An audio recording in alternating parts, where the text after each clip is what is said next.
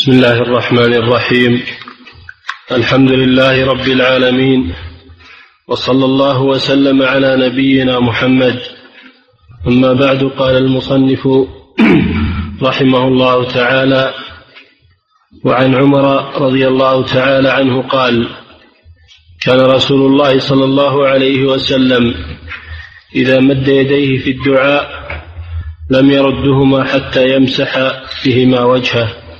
أخرجه الترمذي وله شواهد منها حديث ابن عباس رضي الله عنهما عند أبي داود وغيره ومجموعهما يقضي بأنه حديث حسن.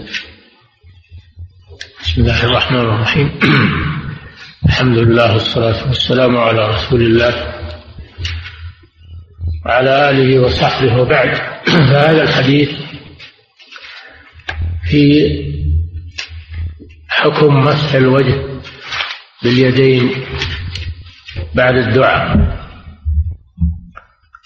فيه أن النبي صلى الله عليه وسلم كان كان يمسح وجهه ولكن الحديث في سنده ضعف ولكن يقول الحافظ إن له شواهد من أحاديث أخر. تجعله حسنا يعني حسنا لغيره. والحسن ما كانت مرتبته دون مرتبة الصحيح وفوق الضعيف. والحسن يحتج به.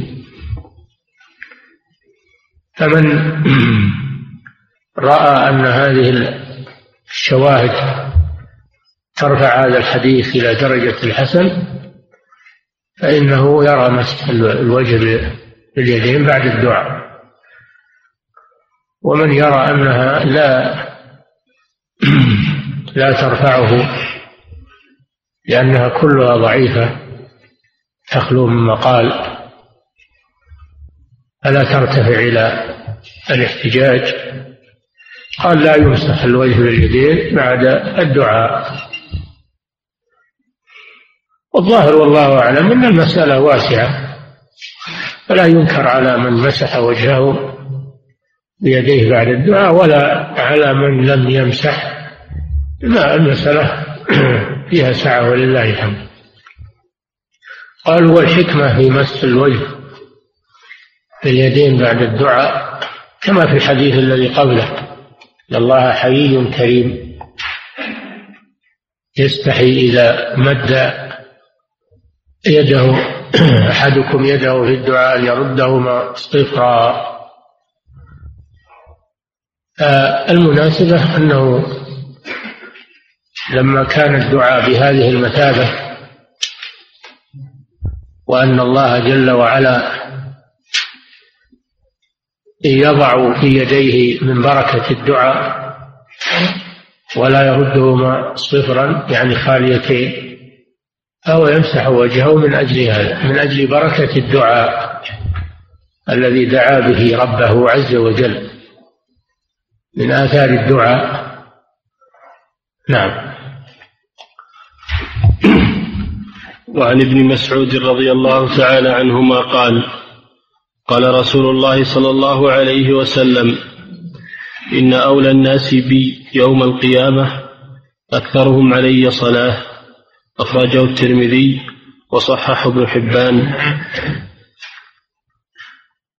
مناسبة هذا الحديث والله أعلم. لا بالدعاء لأن من آداب الدعاء أن يصلي على النبي صلى الله عليه وسلم.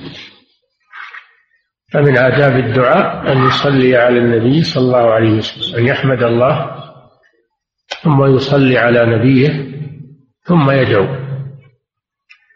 وفي هذا الحديث فضل الصلاة على النبي صلى الله عليه وسلم لأن من أكثر من الصلاة على النبي صلى الله عليه وسلم أنه يكون قريبا منه صلى الله عليه وسلم يوم القيامة في المنزلة. وقيل إنه تناله شفاعة النبي صلى الله عليه وسلم. فأولى الناس به يعني بشفاعته. أو أولى الناس يعني أقرب أقرب منزلة. فهذا الحديث فيه فضل الصلاة على النبي صلى الله عليه وسلم ولا سيما في الدعاء وفيه مشروعية الإكثار من الصلاة على النبي صلى الله عليه وسلم وهذا من حقه علينا من حق الرسول صلى الله عليه وسلم علينا. أن نصلي ونسلم عليه لأن الله أمرنا بذلك. فقال إن الله وملائكته يصلون على النبي يا أيها الذين آمنوا صلوا عليه وسلموا تسليما. نعم.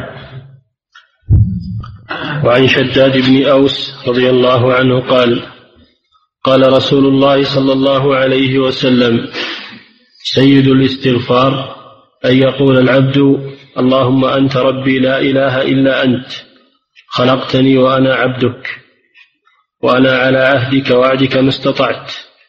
أعوذ بك من شر ما صنعت أبوء لك بنعمتك علي وأبوء لك بذنبي. فاغفر لي فإنه لا يغفر الذنوب إلا أنت. أخرجه البخاري. وهذا الحديث فيه فضل هذا الاستغفار. سماه النبي صلى الله عليه وسلم سيد الاستغفار. وسيد السيد هو المقدم على غيره.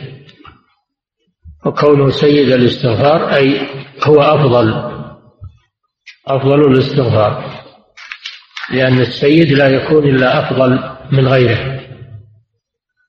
فهذا الاستغفار أفضل أنواع الاستغفار. اللهم أنت ربي. اللهم هذا نداء أصله يا الله. ثم حذفت ياء النداء. حذفت ياء النداء وعوض عنها الميم في آخر لفظ الجلالة. صارت اللهم أنت ربي. اعتراف بربوبية الله. توسل إليه بربوبيته سبحانه. أنت ربي. أي أنت خالقي ومالكي وأنت ولي لا إله إلا أنت أي لا معبود بحق سواك. هذا توسل إلى الله بالتوحيد. خلقتني وأنا عبدك. خلقتني لا خالق غير الله سبحانه وتعالى. الله هو الذي خلقنا وخلق الخلق كله. لا شريك له في خلقه. وكل ما سواه فهو مخلوق. خلقتني أي أوجدتني من عدم. وأنا عبدك. هذا يقابل قوله أنت ربي. أنت ربي وأنا عبدك. والعبد والمملوك أي أنا مملوك لك. وأنا أعبدك. أنا أعبدك وأتقرب إليك كما قال تعالى وما خلقت الجن والإنس إلا ليعبدون. والعبد على نوعين عبد بمعنى مملوك وعبد بمعنى عابد لله عز وجل. فالمؤمن يجتمع فيه الأمران أنه أنه مملوك لله وأنه يعبد الله عز وجل. وأما الكافر ففيه المعنى الأول أنه مملوك لله ولكنه لا يعبد الله. ويشرك به. أنا عبدك. أنت ربي وأنا عبدك. وأنا على عهدك. الله جل وعلا عهد إلى إلينا أن لا نعبد إلا إياه. ألم أعهد إليكم يا بني آدم أن لا تعبدوا الشيطان إنه لكم عدو مبين وأن اعبدوني هذا عهد من الله سبحانه وتعالى أخذه على بني آدم أن يعبدوه ولا يشركوا به شيئا. ولهذا تقرأ في الفاتحة إياك نعبد وإياك نستعين. هذا عهد تعاهد الله عز وجل في كل ركعة ألا تعبد إلا إياه ولا تستعين إلا به. أنا على عهدك ووعدك. حيث وعدت من عبدك بالجزاء. وقال ما استطاعت هذا براءة من الحول والقوة لأن أحدا لا يستطيع أن يعبد الله حق عبادته ولكنه يعبده بحسب استطاعته. وإلا فلا أحد يقوم بعباده الله على الوجه على الوجه الكامل لأن الإنسان مخلوق ضعيف ولا يستطيع أن يعبد الله حق عبادته ولكن يعبده بحسب استطاعته.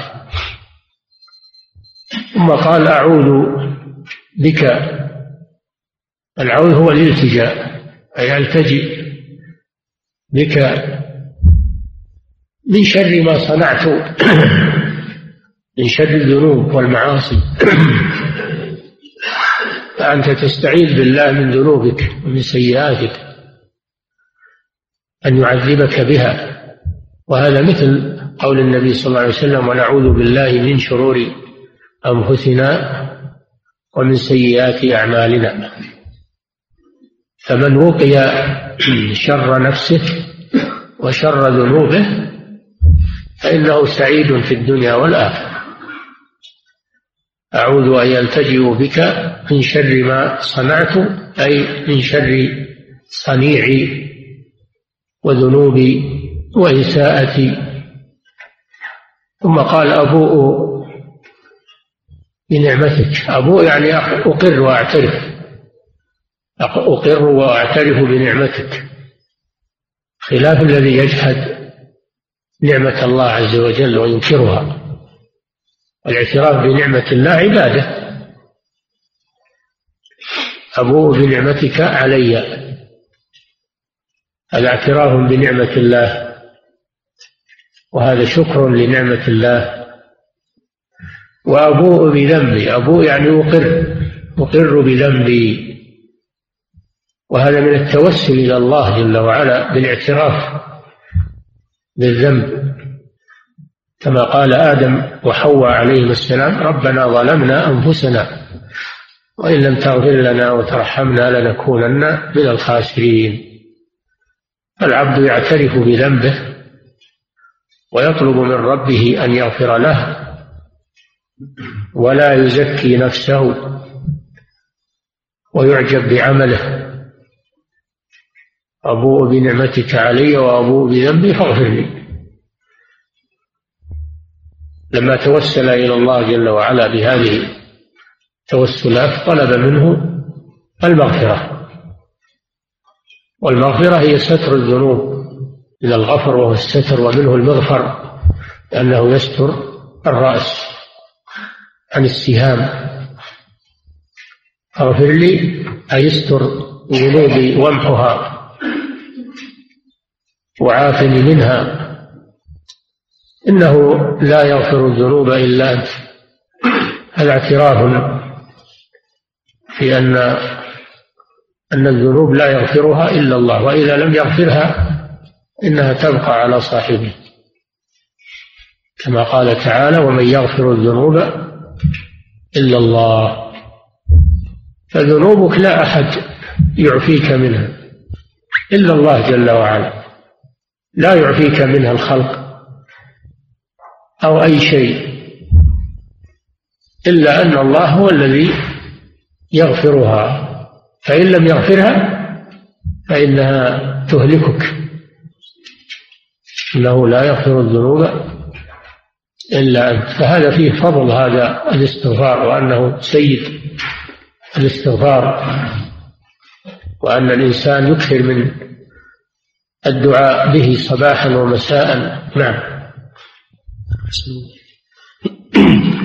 وعن ابن عمر رضي الله عنهما قال قال, لم يكن رسول الله صلى الله عليه وسلم يدع هؤلاء الكلمات حين يمسي وحين يصبح. اللهم إني أسألك العافية في ديني ودنياي وأهلي ومالي. اللهم استر عوراتي وآمن روعاتي واحفظني من بين يدي ومن خلفي وعن يميني وعن شمالي ومن فوقي وأعوذ بعظمتك أن أغتال من تحتي. أخرجه النسائي وابن ماجه وصححه الحاكم. كان النبي صلى الله عليه وسلم لا يدع هذا الدعاء حين يصبح أن يدخل في الصباح. يدخل في الصباح. وقت الفجر وحين يمسي يدخل في المساء كان يدعو بهذا الدعاء في أول الصباح وفي أول المساء. يسأل الله العافية في دينه ودنياه وأهله وماله في دينه يعافيه الله من من البدع والمعاصي والسيئات لأن هذه الأمور تنقص الدين أو تذهب به نهائيا. وبدأ بالدين لأنه أهم شيء.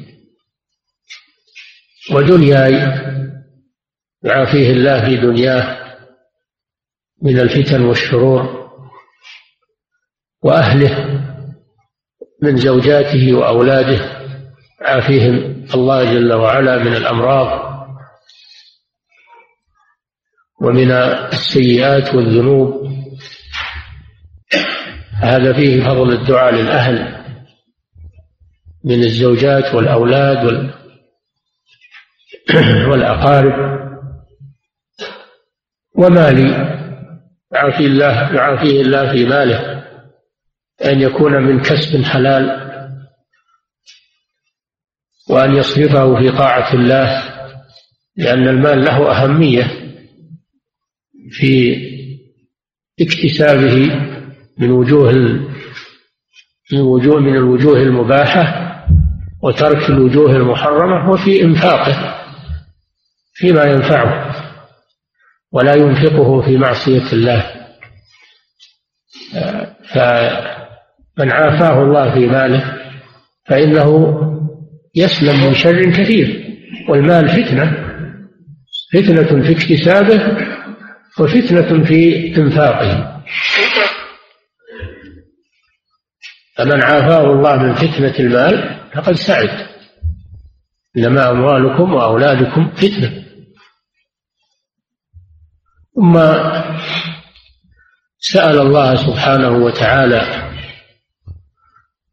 في بقية الأدعية. نعم. اللهم استر عوراتي. اللهم استر عوراتي وآمن. روعاتي استر عوراتي. عورات حسية والعورات المعنوية. يسترها الله ولا يفضح الإنسان بها. ستر العورة الحسية. هذا من حفظ من حفظ الفرج. الذين هم لفروجهم حافظون يا بني آدم قد أنزلنا عليكم لباسا يواري سوآتكم العورات هذا من نعم الله عز وجل. يواري سوآتكم وريشا وهو الزينة. اللباس على قسمين منه قسم يستر العورة ومنه قسم يجمل الهيئة وهذا هو الريش. يواري سوآتكم وريشا. ثم نبه على ما هو أحسن منه. قال ولباس التقوى ذلك خير. لما ذكر اللباس الحسي ذكر اللباس المعنوي وأخبر أنه خير من اللباس الحسي. قد يكون الإنسان متجملا في هيئته ولابسا أحسن الثياب ولكنه يكون عاريا من تقوى الله سبحانه وتعالى. كما قال الشاعر إذا المرء لم يلبس ثيابا من التقى تقلب عريانا وإن كان كاسيا. تقلب عريانا وإن كان كاسيا بالملابس لكنه عار من تقوى الله عز وجل. استر عوراتي الحسية والمعنوية وهي الذنوب والمعاصي والمخالفات. يسترها الله ولا يفرح الإنسان بها. إذا سترها الله عليه فإنه يغفرها له. أما إذا فضحه بها فإنه يكون ذلك من الخزي والعار. وهذا من فضل الله أنه يستر علينا. ولو أنه فضحنا بذنوبنا ومعاصينا لساءت حالنا. ولأبغضنا الناس ونفروا منا. فالله جل وعلا بمنه ستر علينا ويسر لنا التوبة. استر عوراتي وآمن روعاتي جمع روعة وهي الخوف والفزع. يعني يؤمنك الله من الخوف والخوف شديد والعياذ بالله. خوف الإنسان ما يطمئن ولا يستقر ولا ينام ولا يأكل ولا يشرب ولا يتلذذ مع وجود الخوف. والأمن من أكبر النعم نعم الله على عباده. إذا أمنوا من عدوهم وأمنوا من من المحاذير استراحوا. فهو طلب من الله أن يؤمن روعاته في الدنيا وفي الآخرة. وروعات الآخرة أشد. حينما يواجه الأهوال في الآخرة ويواجه الفزع فالأمر أشد لكن أهل الإيمان يأمنون من الفزع الأكبر لا يحزنهم الفزع الأكبر. فهذا هذا طلب من الله أن أن يؤمن الروعات في الدنيا والآخرة. الله جل وعلا بين من يكون له الأمن. قال الذين آمنوا ولم يلبسوا إيمانهم بظلم أولئك لهم الأمن وهم مهتدون. فلا أمن إلا بطاعة الله عز وجل. أما من خلا من طاعة الله فإنه ليس له أمن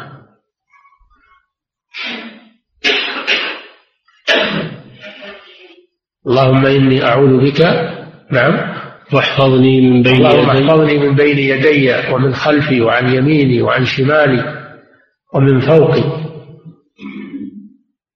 يحفظك من المخاوف لأنك محاط بالأعداء من كل جهة. شياطين الإنس والجن ونفسك. الأمارة بالسوء والشيطان تعهد قال ثم لآتينهم من بين أيديهم ومن خلفهم وعن أيمانهم وعن شمائلهم فالعدو محيط بك من كل جانب. سأل الله أن يحفظه من هذه الجهات. أن يحفظه واحفظني من بين يدي يعني أمامي ومن خلفي يعني وراء ظهري وعن يميني وعن شمالي ومن فوقي. ثم قال وأعوذ بك أن أغتال من تحتي. أن أغتال من تحتي. الاغتيال هو الهلاك المفاجئ من تحتي بالخسف كما خسف بالأمم السابقة خسف بهم الأرض فهلكوا. كما حصل لقوم لوط وكما حصل لقارون. وكما حصل لفرعون وغيره من ممن اغتيلوا من تحتهم. قال جل وعلا قل هو القادر على أن يبعث عليكم عذابا من فوقكم أو من تحت أرجلكم أو يلبسكم شيعا ويذيق بعضكم بأس بعض. فأنت تسأل الله أن يحفظك من هذه المخاطر المحدقة بك. نعم. وعن ابن عمر رضي الله عنهما قال كان رسول الله صلى الله عليه وسلم يقول اللهم إني أعوذ بك من زوال نعمتك وتحول عافيتك وفجاءة نقمتك وجميع سخطك. أخرجه مسلم. هذا دعاء عظيم. يقول صلى الله عليه وسلم في دعاه اللهم إني أعوذ بك من زوال نعمتك. من زوال نعمتك. فإن الله قادر على أن يزيل النعمة. بسبب الذنوب. وإذ تأذن ربكم لئن شكرتم لأزيدنكم ولئن كفرتم العذاب لشديد. والنعم إنما تزول بسبب الكفر. إذا لم تشكر فإنها تزول. قال تعالى ذلك بأن الله لم يكن مغيرا نعمة أنعمها على قوم حتى يغيروا ما بأنفسهم. وإذا أراد الله وأن الله سميع عليم حتى يغيروا ما بأنفسهم وأن الله سميع عليم. فالله إذا أنعم نعمة لا يزيلها إلا بسبب من قبل العبد المنعم عليه.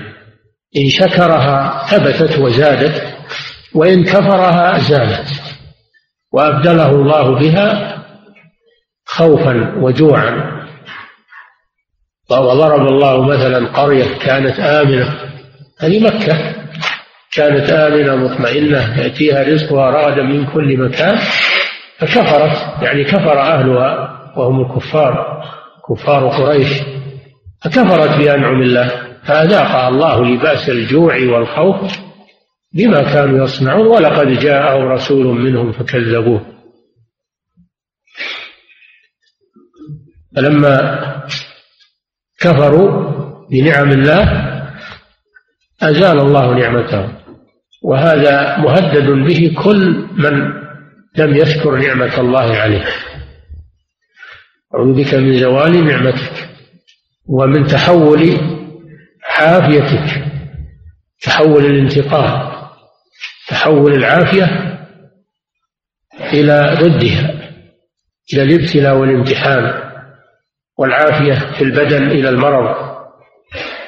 العافية تكون في البدن تتحول إلى مرض تكون في الدين والدنيا تتحول إلى فتنة وابتلاء وامتحان. من تحول عافيتك ومن جميع سخطك. استعاذ بالله من جميع سخط الله. فهذا فيه وصف الله بأنه يسخط ويغضب على من عصاه. نعم. وعن عبد الله بن عمر رضي الله عنهما قال كان رسول الله صلى الله عليه وسلم يقول اللهم إني أعوذ بك من غلبة الدين وغلبة العدو وشماتة الأعداء. رواه النسائي وصححه الحاكم. استعاذ بالله صلى الله عليه وسلم من ثلاثة أشياء. من غلبة الدين وغلبة العدو وغلبة وشماتة الأعداء. غلبة الدين أن تعجز عن سداده. أن تعجز عن سداد الدين. ثم يطالبك به أصحابه ويضيقون عليك. كما قال والدين سهر بالليل وهم بالنهار. الدين خطير جدا. حقوق الناس. والناس لا يعذرون.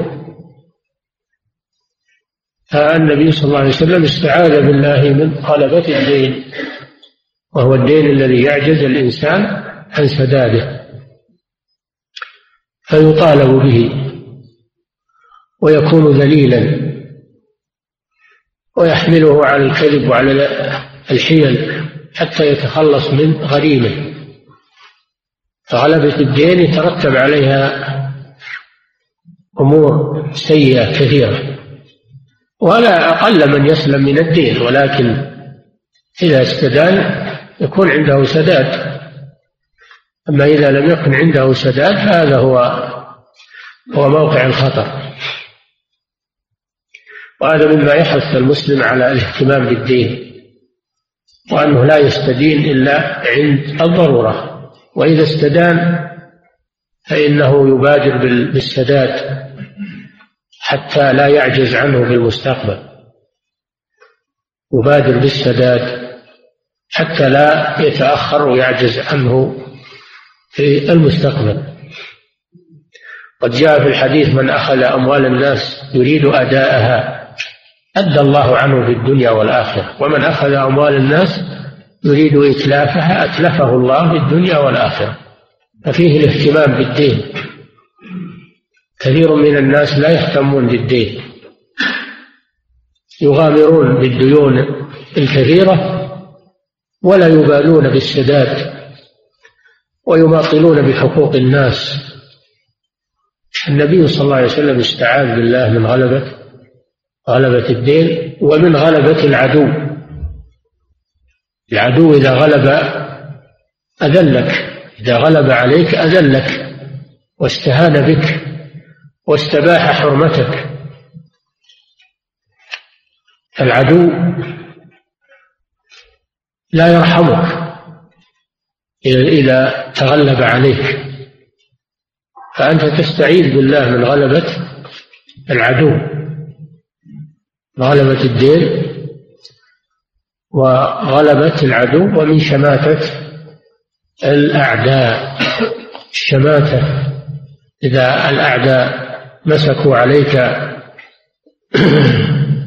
شيئا من العيوب إذا مسكوا عيبا من عيوبك أخذوا ينشرونه على الناس ويفضحونك به. فالإنسان يتجنب ما فيه شماتة يتجنب ما فيه الشماتة من التصرفات والأخلاق ويعمل ما فيه ستر وما فيه وما فيه شرف له عند الله وعند الناس يجتنب الأمور التي فيها شماتة وفيها ضرر عليه والناس لا يرحمون لو أنهم مسكوا شيئا من من عيوبك. لنشروه. فهذا فيه الاستعاذة من شماتة الأعداء.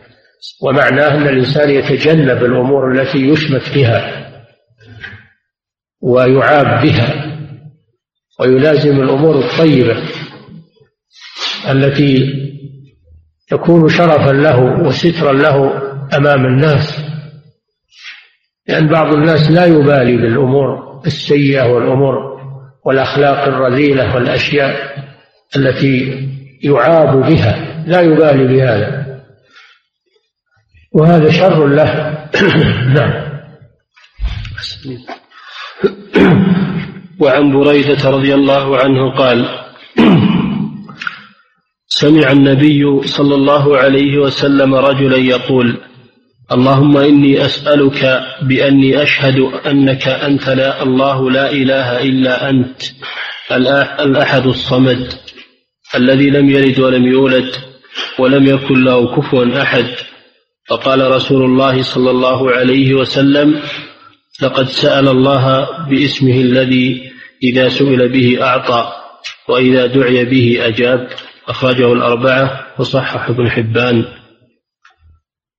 وهذا الحديث فيه مشروعية هذا التوسل إلى الله جل وعلا بالدعاء. التوسل إلى الله بالتوحيد وتنزيه الله سبحانه وتعالى عن العيوب. فهذا الرجل سمعه النبي صلى الله عليه وسلم يقول اللهم إني أسألك بأنك أنت الله لا إله إلا أنت هذا توسل بالتوحيد. كما قال ذنون عليه السلام فنادى في الظلمات أن لا إله إلا أنت سبحانك إني كنت من الظالمين. يتوسل إلى الله بالتوحيد لأنك أنت الله لا إله إلا معبود بحق إلا أنت. الأحد الصمد الذي لم يلد ولم يولد. هذا مأخوذ من سورة الإخلاص. الأحد الذي لا شريك له سبحانه وتعالى بمعنى الواحد الذي لا شريك له في ربوبيته وإلهيته وأسمائه وصفاته فهو واحد لا شريك له. الأحد الصمد. الصمد قيل معناه السيد. الذي تصمد الخلائق إليه بحوائجها تصمد إليه الخلائق بحوائجها الصمد الذي لم يلد هذا فيه رد على الذين وصفوا الله بالولد.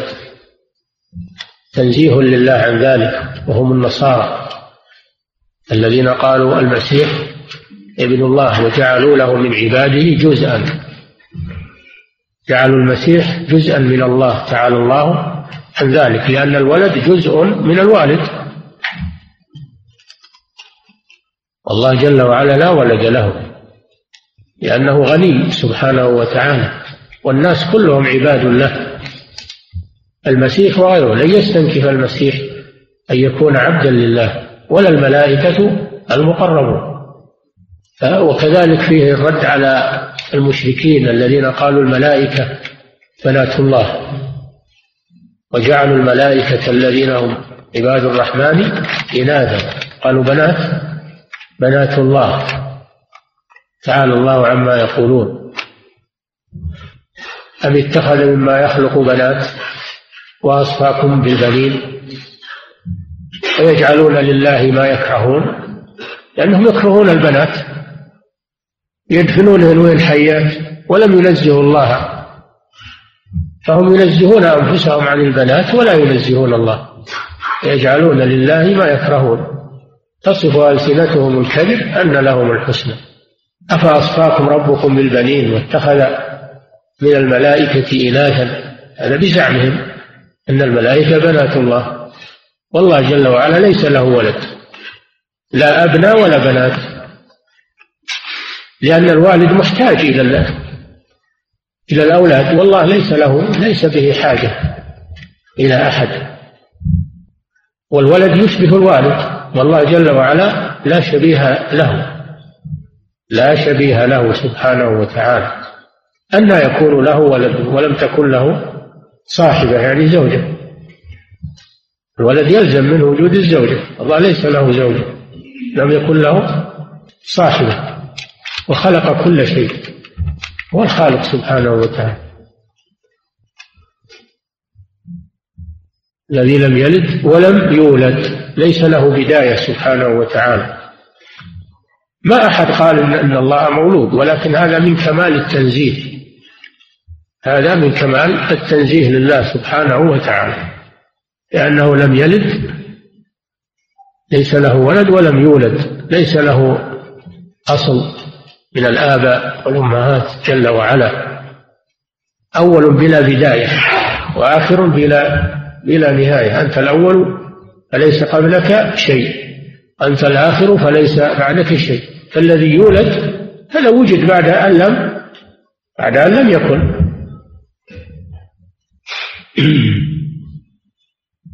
أنك أنت الله أحد الصمد الذي لم يلد ولم يولد ولم يكن له كفوا أحد لا شبيه له. الكفو معناه الشبيه. الله جل وعلا لا شبيه له ولا ند له ولا مثيل له سبحانه وتعالى ولم يكن له كفوا أي مماثل أحد من الخلق. هل تعلم له سمية؟ السمي معناه المماثل والشبيه والنظير. فهذا تنزيه أولا أنه توسل إلى الله بالتوحيد وثانيا أنه توسل إلى الله بتنزيهه من العيوب والنقائص. نعم بقية الحديث. ولم يكن له كفوا أحد فقال نعم. رسول الله صلى الله عليه وسلم. قال صلى الله عليه وسلم لقد سأل الله باسمه الذي إذا دعي به أجاب وإذا سئل به أعطى. فهذا الدعاء من أسباب الإجابة. وقد قيل إن هذا هو اسم الله الأعظم. هذا هو اسم الله الأعظم الذي إذا دعي به أجاب وإذا سئل به أعطى. نعم. تحب أن يقدم الداعي هذا هذا هذا الثناء على الله في دعائه لأن ذلك من أسباب من أسباب الإجابة. نعم. وعن أبي هريرة رضي الله عنه قال قال رسول الله صلى قال كان رسول الله صلى الله عليه وسلم إذا أصبح يقول اللهم بك أصبحنا وبك أمسينا وبك نحيا وبك نموت وإليك النشور. وإذا أمسى قال مثل ذلك إلا أنه قال وإليك المصير. أخرجه الأربعة. وهذا نوع من الدعاء الذي يقال في الصباح والمساء. كان صلى الله عليه وسلم إذا أصبح يعني دخل في الصباح يعني إذا استيقظ من نومه قال اللهم بك أصبحنا وبك أمسينا وبك نحيا وبك نموت وإليك النشور. اللهم إنا بك أصبحنا أي أنت الذي أنت الذي أحييتنا وأيقظتنا من النوم. اللهم إنا بك أصبحنا وبك أمسينا. يعني ندخل في المساء بإذن الله عز وجل. ولو شاء الله ما أصبحت ولا أمسيت. وإنما هذا بتقدير الله سبحانه وتعالى. بك أصبحنا هذا فيه تفويض الأمر إلى الله عز وجل. بك أصبحنا وبك أمسينا. نعم. اللهم بك أصبحنا وبك أمسينا وبك نحيا وبك, وبك نحيا وبك نموت. المناسبة ذكر الحياة والموت أنه إذا قام من النوم النوم موت. النوم الموتى الصغرى. فإذا أحياه الله من النوم تذكر الإحياء من الموت الذي هو أكبر. يوم البعث. نعم بك نحيا وبك نموت. نعم. وإليك النشور. وإليك النشور وهو البعث. النشور هو البعث من القبور. نعم. وإذا أمسى قال مثل ذلك. وإذا أمسى يعني دخل في المساء كرر هذا الدعاء مرة ثانية. اللهم بك أمسينا وبك نحيا وبك نموت وإليك النشور. وفي رواية وإليك المصير. أي المرجع والمرد إلى الله سبحانه وتعالى فهذا فيه تذكر. فيه تذكر الرجوع إلى الله سبحانه وتعالى. وفيه أن العبد لا يخرج عن إرادة الله وقدرة الله في صباحه وفي مسائه. نعم. وعن أنس قال كان أكثر دعاء رسول الله صلى الله عليه وسلم ربنا آتنا في الدنيا حسنة وفي الآخرة حسنة وقنا عذاب النار. متفق عليه. هذا في القرآن. ومنهم من يقول ربنا آتنا في الدنيا حسنة وفي الآخرة حسنة وقنا عذاب النار. هذا دعاء جامع. دعاء, دعاء جامع لخيري الدنيا والآخرة. ربنا آتنا في الدنيا حسنة حسنة الدنيا تشمل كل كل الخير. حسنة في الرزق حسنة في في الأهل حسنة في الولد حسنة في العمل. تشمل كل ما هو حسن. وفي الآخرة الجنة. الآخرة الجنة والنعيم والخلود والسرور. فهذا دعاء جامع ينبغي للمسلم أن يكرره ولا يقتصر على الدنيا لا يقتصر على الدنيا فلا يدعو الله إلا بملاذ الدنيا وينسى الآخرة. كما كحال الكفار الذين يقولون ربنا آتنا في الدنيا فمنهم من يقول ربنا آتنا في الدنيا وما له في الآخرة من خلاق. كانوا إذا فرغوا من الحج يقفون فيقول اللهم اجعله عاما خصبا وعاما ممطرا وعاما كذا وكذا ولا يذكرون الآخرة. أما أهل الإيمان فإنهم يقولون ربنا آتنا في الدنيا حسنة وفي الآخرة حسنة وقنا عذاب النار. نعم. وهذا هو الذي كان النبي صلى الله عليه وسلم يكثر من الدعاء به لأنه دعاء جامع لخيري الدنيا والآخرة. وفيه أن الإنسان لا يقتصر على أمور الدنيا في دعائه ولا يقتصر كذلك على أمور الآخرة بل يدعو في صلاح دنياه وآخرته لأن الدنيا مطية. الدنيا مطية الآخرة ومزرعة الآخرة فيدعو لدنياه ولآخرته هذا هو المشروع. ما يقتصر على الآخرة فقط وينسى الدنيا لأنها مطيته إلى الآخرة وهي مزرعته. ولا يدعو بالدنيا وينسى الآخرة لأن الآخرة هي مصيره ومرده. ومناط سعادته أو شقاوته. نعم. عن أبي موسى الأشعري رضي الله عنه قال كان رسول الله صلى الله عليه وسلم يدعو اللهم اغفر لي خطيئتي وجهلي وإسرافي في أمري وما أنت أعلم به مني. اللهم اغفر لي جدي وهزلي وخطئي وعمدي وكل ذلك عندي. اللهم اغفر لي ما قدمت وما أخرت وما أسررت وما أعلنت وما أنت أعلم به مني. أنت المقدم وأنت المؤخر وأنت على كل شيء قدير. متفق عليه. هذا حديث عظيم ودعاء جامع أيضا. اللهم نعم. اللهم اغفر لي خطيئتي اللهم اغفر لي خطيئتي. يعني جميع خطاياي. جميع خطاياي وهي الذنوب. الخطيئة ليس معناه خطيئة واحدة ولكن جميع الخطيئة لأن المفرد إذا أضيف يعم يعني خطيئتي جميع خطاياي. خطيئتي وجهلي. الجهل يطلق ويراد به عدم العلم بالشيء ويطلق ويراد به عدم الحلم. هو يعلم لكنه لا يحلم ولكنه لا يحلم. بل يكون فيه غشم وفيه ظلم وفيه جور. هذا جهل.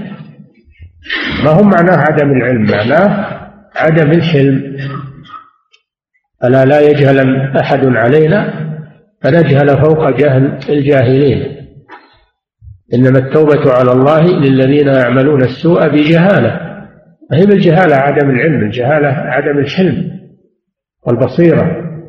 هذا الذي دعا النبي صلى الله عليه وسلم أن يغفره له الجهل الذي هو عدم الحلم والبصيرة وإسرافي اللهم اغفر لي خطيئتي وجهلي وإسرافي في أمري. وإسرافي في أمري. ربنا اغفر لنا ذنوبنا وإسرافنا في أمرنا. الإسراف هو عدم الاعتدال إسراف في الأمور والمطلوب التوسط في الإنفاق. وفي القول والعمل من الإنسان يكون متوسطا لا يسرف في أموره بل يكون عنده اعتدال لأن الإسراف إن كان في الإنفاق الله لا يحب المسرفين. وإن كان الإسراف في غير الإنفاق فكذلك لا يؤول إلى خير الإسراف لا يؤول إلى إلى خير. نعم. وإسرافي في أمري وما أنت أعلم به مني. فوض إلى الله جل وعلا. لأن الإنسان قد يسيء ويخطئ وهو لا يدري. وهو لا يدري. والله يعلم ذلك. فهو فهو فوض الأمر إلى الله وما أنت أعلم به مني. نعم. اللهم اغفر لي جدي وهزلي. اللهم اغفر لي جدي بكسر كسر الجيم يقابل الهزل. الجد يقابل الهزل والهزل هو عدم الهزل هو عدم الجد جادا أو هازلا جادا يعني قاصدا للشيء أو هازلا يعني غير قاصد من باب المزح ومن باب الضحك. وقد يكون إنه يهزل ويضحك وهو يسيء. فيما بينه وبين الله ولئن سألتهم ليقولن إنما كنا نخوض ونلعب. قل بالله وآياته ورسوله كنتم تستهزئون. لا يجوز المزح في أمور الدين والضحك في أمور الدين. لا جادا ولا هازلا إذا كان جادا فالأمر واضح وإذا كان هازلا فكذلك لأن أمور الدين ليس فيها لعب وليس فيها مزح.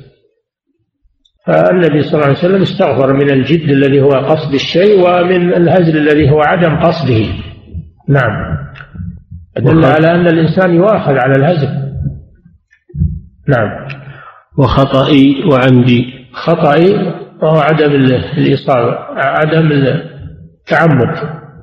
عدم التعمد. وعمدي هو القصد والتعمد مثل هزلي وجد. نعم. وكل ذلك عندي. وكل هذه الأمور الهزل والجد والخطأ والعمد كله عند العبد. فالعبد لا يزكي نفسه ويقول لا أنا ما عندي إلا خير ولا عندي إلا وأنا لا يمكن أني أقع في خطأ وأنا عندي علم وبصيرة. ما يزكي نفسه. قال جل وعلا فلا تزكوا أنفسكم. هو أعلم بمن اتقى. نعم. اللهم اغفر إلى الذين يزكون أنفسهم. بل الله يزكي من يشاء ولا يظلمون فتيلا. الإنسان لا يزكي نفسه ويمدح نفسه. نعم. اللهم اغفر لي ما قدمت وما أخرت. ما قدمت وما أخرت مما لا يرضي الله سبحانه وتعالى. ما أخر من طاعة الله وما قدم من معصية الله. نعم. وما أسررت وما أعلنت. السر والعلانية الشيء اللي يظهره عند الناس والشيء الذي آه، يخفيه عن الناس لكنه لا يخفى على الله جل وعلا. الله يعلم ما تسرون وما وما تعلنون. فلو أن الناس ما دروا الله جل وعلا يعلم. فيستغفر الله من من المعصية في السر والمعصية في الجهر نعم. وما أنت أعلم به مني؟ نعم لأن الإنسان قد يسيء وقد يخطئ وقد وهو لا وهو لا يدري. نعم. أنت المقدم وأنت المؤخر. هذا من أفعال الله سبحانه وتعالى. أنه هو المقدم وهو المؤخر. ومن قدمه الله فلا مؤخر له ومن أخره فلا مقدم له. نعم. أنت المقدم وأنت المؤخر وأنت على كل شيء قدير. فوض الأمر إلى الله أن الأمور كلها تحت مشيئته وقدرته سبحانه وتعالى ما شاء كان وما لم يشاء لم يكن. هذا اعتراف بالعجز والتقصير وتفويض إلى الله جل وعلا وتوسل إليه بقدرته العامة التي لا يعجزها شيء لا أنت على كل شيء قدير. نعم. وعن أبي هريرة رضي الله عنه قال كان رسول الله صلى الله عليه وسلم يقول اللهم اصلح لي ديني الذي هو عصمة أمري وأصلح لي دنياي التي فيها معاشي وأصلح لي آخرتي التي إليها معادي واجعل الحياة زيادة لي في كل خير واجعل الموت راحة لي من كل شر. أخرجه مسلم. هذا دعاء عظيم. هذا دعاء عظيم كان النبي صلى الله عليه وسلم يدعو به صلاح دينه صلاح دنياه صلاح آخرته اصلح لي ديني الذي به عصمة أمري. فلا نجاة للإنسان إلا بالدين. وإذا لم يصلح الدين لم تحصل له العصمة. بل يكون في الخطأ والزلل واصلح لي ديني الذي به عصمة أمري من الخطأ ومن ومن العاقبة السيئة الذي به عصمة أمري. تعصمني به تعصمني به من كل محذور. وأصلح لي دنياي التي فيها معاشي. الإنسان يسأل الله لصلاح دنياه كما سبق ربنا آتنا في الدنيا حسنة وفي الآخرة حسنة. لا ينسى الدنيا أنها إذا صلحت الدنيا صلحت الآخرة. وإذا فسدت دنياه فسدت آخرته. الآخرة مبنية على الدنيا. يسأل الله أن يصلح له دنياه أن تكون عونا له على طاعة الله سبحانه وتعالى. ولا أحد يستغني عن الدنيا. وأصلح لآخرتي التي فيها التي إليها معادي أي مرجعي ومردي. بأن يجعله الله من الصالحين في الآخرة ويلحقه بالصالحين. لأن أكثر الناس لا تصلح آخرتهم والعياذ بالله. لا تصلح آخرتهم. نعم واجعل الحياة راحة لي. أجعل الحياة زيادة زيادة لي من كل خير والموت راحة لي من كل شر. هذا دعاء عظيم. أن الإنسان يسأل الله أن يجعل حياته زيادة له من الخير. وخيركم من طال عمره وحسن عمله. فطول العمر إذا كان على طاعة الله فهو خير. وتزود من الخير زيادة لي من كل من كل خير. والموت راحة له من كل من كل شر.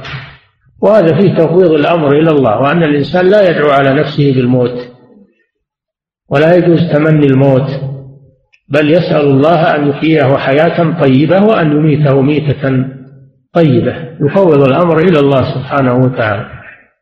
نعم. وعن أنس رضي الله عنه قال كان رسول الله صلى الله عليه وسلم يقول اللهم انفعني بما علمتني وعلمني. بما علمتني. الإنسان قد يكون يعلم ولكنه لا ينتفع بعلمه ويكون علمه حجة حجة عليه ويكون كالحمار يحمل أسفارا. يحمل العلم ولا ينتفع به. فليس المقصود العلم فقط ولكن المقصود العلم والعمل. العلم الذي ينفع. أما العلم الذي لا ينفع فهذا لا يفيد صاحبه شيئا بل يكون من أول من تسعر بهم النار يوم القيامة كما صح في الحديث. نعم. وعلمني ما ينفعني. وعلمني ما ينفعني لأن الإنسان إذا لم يعلمه الله فإنه لا لا يعلم كما قالت الملائكة سبحانك لا علم لنا إلا ما علمتنا. أنت تسأل الله أن يعلمك ما ينفعك وأن ينفعك بما علمك. نعم. وارزقني علما ينفعني. ارزقني علما ينفعني. ما هو ما قال علما؟ وقال ينفعني. يا ينفعني. العلم الذي لا ينفع هذا حجة على صاحبه. نعم. رواه النسائي والحاكم. هذا فيه الاهتمام بالعلم. وأن المسلم يسأل الله أن يعلمه ما ينفعه وأن يجعل علمه نافعا له ولا يجعله حجة عليه. نعم. وفيه أن العلم مقرون بالعمل. أن العلم مقرون بالعمل. فلا ينفع عمل بدون علم بل يكون ضلالا ولا ينفع عمل بدون ولا ينفع علم بدون عمل. بل يكون غضبا من الله سبحانه وتعالى. ولهذا ندعو اهدنا الصراط المستقيم صراط الذين أنعمت عليهم وهم أهل العلم والعمل غير المغضوب عليهم وهم أهل العمل بدون علم ولا الضالين وهم أصحاب العمل بدون علم. لا العلم ينفع بدون عمل ولا العمل ينفع بدون علم. مرتبط بعضهما ببعض. نعم. وللترمذي من حديث أبي هريرة رضي الله عنه نحوه وقال في آخره وزدني علما. وزدني علما هذا في القرآن. وقل ربي زدني علما. فالإنسان جاهل مهما بلغ من العلم فهو جاهل ما يجهل أكثر مما يعلم. فلا يقول الإنسان أنا انتهيت وحصلت علم غزير. لا في علم ما ما وصلت إليه. وفوق كل ذي علم عليم. فأنت تسأل الله الزيادة من العلم النافع. نعم. اللهم الحمد لله على كل حال وأعوذ بالله من حال أهل النار. وهذا ثناء على الله جل وعلا على كل حال. المسلم يحمد الله على كل حال. حال حال السراء وحال الضراء يحمد الله على ذلك. ويعوذ بالله من أحوال أهل النار. نعم. وعن عائشة أن النبي صلى الله عليه وسلم علمها هذا الدعاء اللهم إني أسألك من الخير كله. نعم. فضيلة الشيخ. اقرأ اقرأ أكمل. كم بقي من حديث؟ بقي أكمل أكمل. نعم. وعن عائشة أن النبي صلى الله عليه وسلم علمها هذا الدعاء. اللهم إني أسألك من الخير كله عاجله وآجله. ما علمت منه وما لم أعلم. وأعوذ بك من الشر كله عاجله وآجله. ما علمت منه وما لم أعلم. اللهم إني أسألك من خير ما سألك عبدك ونبيك. وأعوذ بك من شر ما عاد منه عبدك ونبيك. اللهم إني أسألك الجنة. وما قرب إليها من قول أو عمل. وأعوذ بك من النار وما قرب إليها من قول أو عمل. وأسألك أن تجعل كل قضاء قضيته لي خيرا. أخرج أبو ماجه وصححه ابن حبان والحاكم. نعم هذا دعاء عظيم. علمه النبي صلى الله عليه وسلم لأم المؤمنين عائشة رضي الله عنها وهو تعليم لغيرها من الأمة.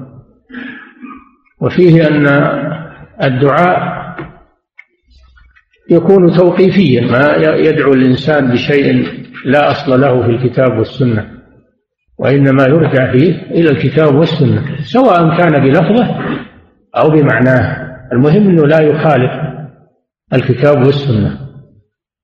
النبي صلى الله عليه وسلم أمر عائشة أن تسأل الله من الخير كله. وأن تعوذ من الشر كله. فالإنسان يسأل الله من الخير ولا يقتصر على شيء معين بل يفوض الأمر إلى الله يسأل الله من الخير كله لأن فضل الله عظيم. فيدعو الله من الخير كل الخير لا بعض الخير فقط. ويستعيذ من كل الشر لأن الشر لا لأن الشر ضرر قليله وكثيره يستعيذ بالله منه جميعا ولا يتساهل بشيء منه. وأن تسأل الله من خير ما سأله رسول الله صلى الله عليه وسلم وتستعيذ بالله من شر ما استعاذ منه الرسول لأن الرسول صلى الله عليه وسلم أعلم بربه وأعلم بما بما ينفع وما يضر. فهي تدعو الله بما دعا به الرسول صلى الله عليه وسلم.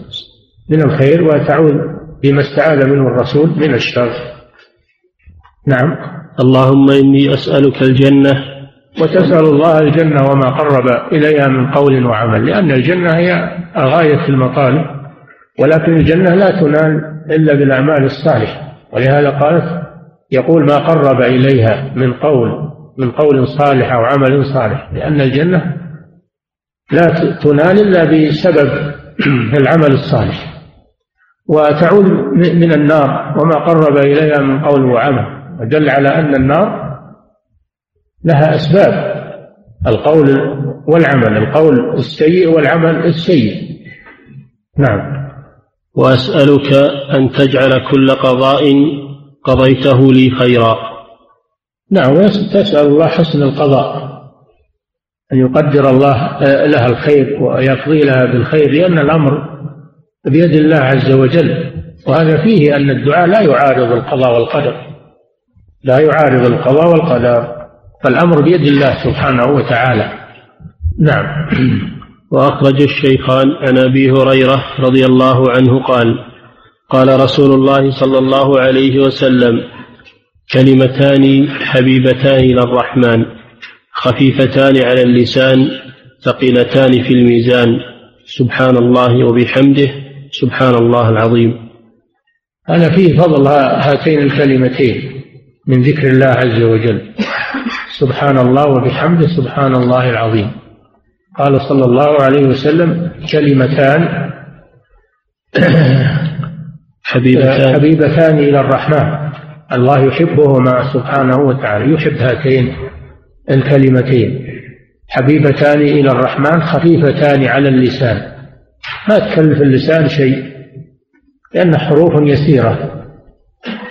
ثقيلتان في ميزان الأعمال يوم القيامة لأن يوم القيامة توضع الموازين توزن فيها الأعمال. من ثقلت موازينه فأولئك هم المفلحون. من خفت موازينه فأولئك الذين خسروا أنفسهم في جهنم خالدون. من ثقلت موازينه فهو في عيشة راضية من خفت موازينه فأمه هاوية. وما أدراك ما هي؟ نار حامية ففيه الميزان يوم القيامة. هذا من عدل الله سبحانه وتعالى. أن أعمال العباد توزن. بميزان حقيقي له كفتان.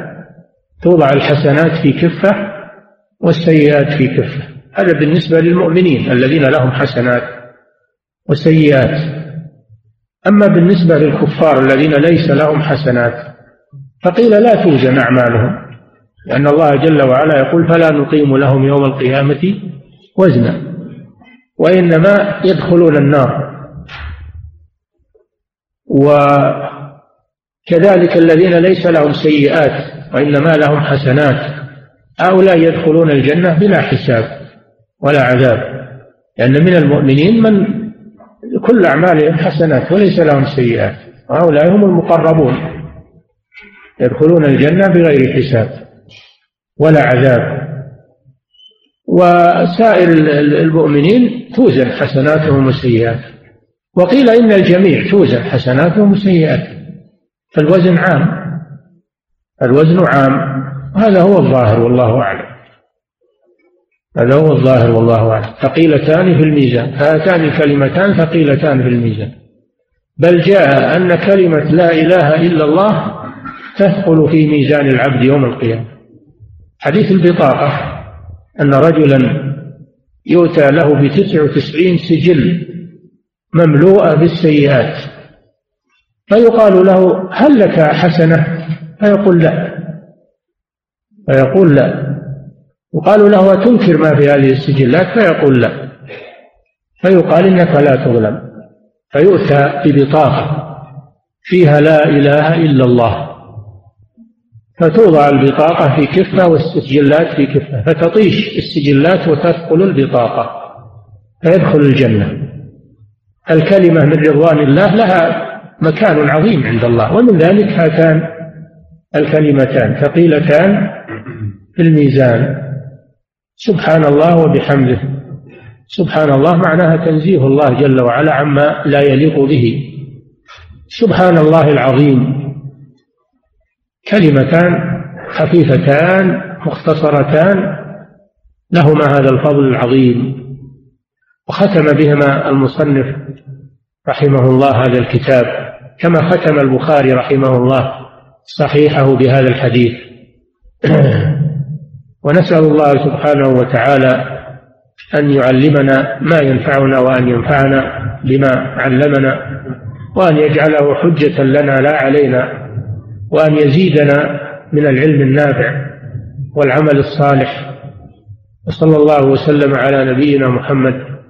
تكون القراءة إن شاء الله في كتاب عمدة الأحكام للشيخ عبد الغني بن سرور المقدسي. بدل بلوغ المرام. نعم. الله إليك. جزاك الله خير. نعم. فضيلة الشيخ يقول السائل متى تبدأ أذكار الصباح وأذكار المساء نعم. يقول السائل متى تبدأ أذكار الصباح وأذكار المساء أذكار الصباح تبدأ بطلوع الفجر أول الصباح. وإن أخرها بعد صلاة الفجر فحسن. أذكار المساء تبدأ من زوال الشمس في وقت الظهر. وإن أخرها بعد العصر بعد المغرب فلا بأس بذلك. المهم من بدايتها من زوال الشمس بداية المساء. وإن أخرها إلى العصر إلى المغرب فلا بأس لأن كله يسمى بالمساء. نعم. فضيلة الشيخ يقول السائل هل ورد في فضل سيد الاستغفار أن من قالها حين يصبح وحين يمسي موقنا بها ثم مات دخل الجنة؟ نعم ورد هذا. أن من قال اللهم أنت ربي لا إله إلا أنت خلقتني وأنا عبدك إلى آخره. إذا قالها في الصباح موقنا بها ومات قبل المساء يدخل الجنة. وإذا قالها في المساء موقنا بها ومات قبل الصباح يدخل الجنة. نعم. ويقول هل معنى الإيقان استشعار معناها؟ الإيقان الإيمان بها الإيمان بها وبما دلت عليه. الإيمان بها وبما دلت عليه من غير شك. وقصد ذلك قصد ذلك. نعم. فضيلة الشيخ يقول السائل هل يصح للإنسان أن يكرر الدعاء؟ اللهم إني أسألك بأنك أنت الله الذي لا إله إلا أنت قبل كل مسألة وهل الحي القيوم من اسم الله الأعظم؟ ما ورد أنه يكررها قبل كل دعاء لكن يقول هذا الدعاء من جملة من جملة الأدعية. يقول الذي ورد أنه يبدأ الدعاء بالثناء على الله جل وعلا وبالصلاة على نبيه صلى الله عليه وسلم في كل دعاء. ثناء على الله في أوله والصلاة على النبي صلى الله عليه وسلم ثم يدعو بعد ذلك. هذا هو الذي ورد أنه مع كل دعاء. وأما اسم الله الأعظم فالله أخفاه جل وعلا. أخفاه في أسمائه. كما أخفى ليلة القدر في رمضان. كما أخفى ساعة يوم الجمعة في يوم الجمعة. من أجل أن يجتهد العباد في طلب الخير أن يسألوه بكل أسمائه سبحانه وتعالى. وإذا سألوه بأسمائه التي يعرفونها ولا أسماء الله لا يحصيها إلا الله لكن التي يعرفها العباد فحري أن يصادف الاسم الأعظم. كما أنه إذا اجتهد في كل رمضان حري أن يصادف ليلة القدر. وإذا اجتهد في كل يوم الجمعة بالدعاء فحري أن يصادف ساعة الإجابة. هذا هو الحكمة في إخفاء هذه الأشياء العظيمة من أجل أن لا يقتصر العباد على نوع دون نوع بل يكثروا من عبادة الله عز وجل حتى ينالوا من الله الثواب الجزيل. وقيل اسم الله الأعظم هو في أول آل آل عمران الله لا إله إلا هو حي القيوم. وفي أول وفي سورة وفي وفي آخر آية الكرسي وهو العلي العظيم آخر آية الكرسي. نعم. فضيلة الشيخ. الله لا إله إلا هو الحي القيوم. نعم في أول آية الكرسي الله لا إله إلا هو الحي القيوم. وفي أول سورة آل عمران الله لا إله إلا هو الحي القيوم. قيل هذا هو اسم الله الأعظم. نعم. فضيلة الشيخ يقول السائل هل يعتبر هذا الدعاء شامل ويكفي عن بقية الأدعية؟ وهو اللهم إني أسألك من خير ما سألك نبيك محمد صلى الله عليه وسلم وعبادك الصالحون. هذا دعاء عظيم لكنه لا يغني عن بقية الأسئلة عن بقية الأدعية بل كل ما عرفه الإنسان من الأدعية يدعو به. زيادة خير ولا يقتصر على صيغة واحدة. النبي صلى الله عليه وسلم ما اقتصر على صيغة واحدة بل كان يدعو بهذا تارة وبهذا تارة وبهذا تارة نعم. فضيلة الشيخ يقول السائل كيف كان يفعل الرسول صلى الله عليه وسلم من حيث جلوسه وأكله ومشيه؟ جلوسه. نعم. أحسن الله إليك. من حيث جلوسه وأكله وأكله ومشيه وهل جميع ما يفعله سنة نقتدي به؟ وما هو الفرق بين عاداته وسننه؟ الفرق واضح. ما فعله النبي صلى الله عليه وسلم من باب التشريع للناس هو سنة. وما فعله من باب العادة كالأكل والشرب والنوم هذه عادات ما هي بعبادات. هذه عادات. والجلوس في الظل ومشيه في الطريق ولبسه الثوب وما أشبه هذه من العادات ما هي بعبادات. نعم. فضيلة الشيخ يقول السائل ما هو القول الصحيح في تخليل اللحية وتخليل الأصابع؟ من السنة تخليل اللحية في الوضوء سنة. بأن يدخل أصابعه مبلولة بالماء داخل اللحية داخل شعر اللحية. إذا كانت اللحية كثيفة يعني ساترة للجلد. إذا كانت اللحية خفيفة فإنها تغسل وما تحتها. إنما هذا في اللحية الكثيفة التي تستر الجلد فيغسل ظاهرها يجب غسل ظاهرها لأنها من الوجه ويخلل داخلها. بأصابعه مبلولة بالماء. هذا سنة غسل ظاهرها هذا واجب. وتخليل باطنها هذا سنة الأصابع لابد من شمول الماء لجميع الرجل لكنه يخلل الأصابع من باب التأكد من وصول الماء إلى ما بين الأصابع. من باب التأكد. أما لو علم من ما بين الأصابع ما جاء ماء ما صح وضوءه. نعم. فضيلة الشيخ يقول السائل هل لمس جسد المرأة ينقض الوضوء؟ إذا كان بشهوة إذا مس المرأة مباشرة بدون حائل بشهوة فإنه يبطل وضوءه. نعم.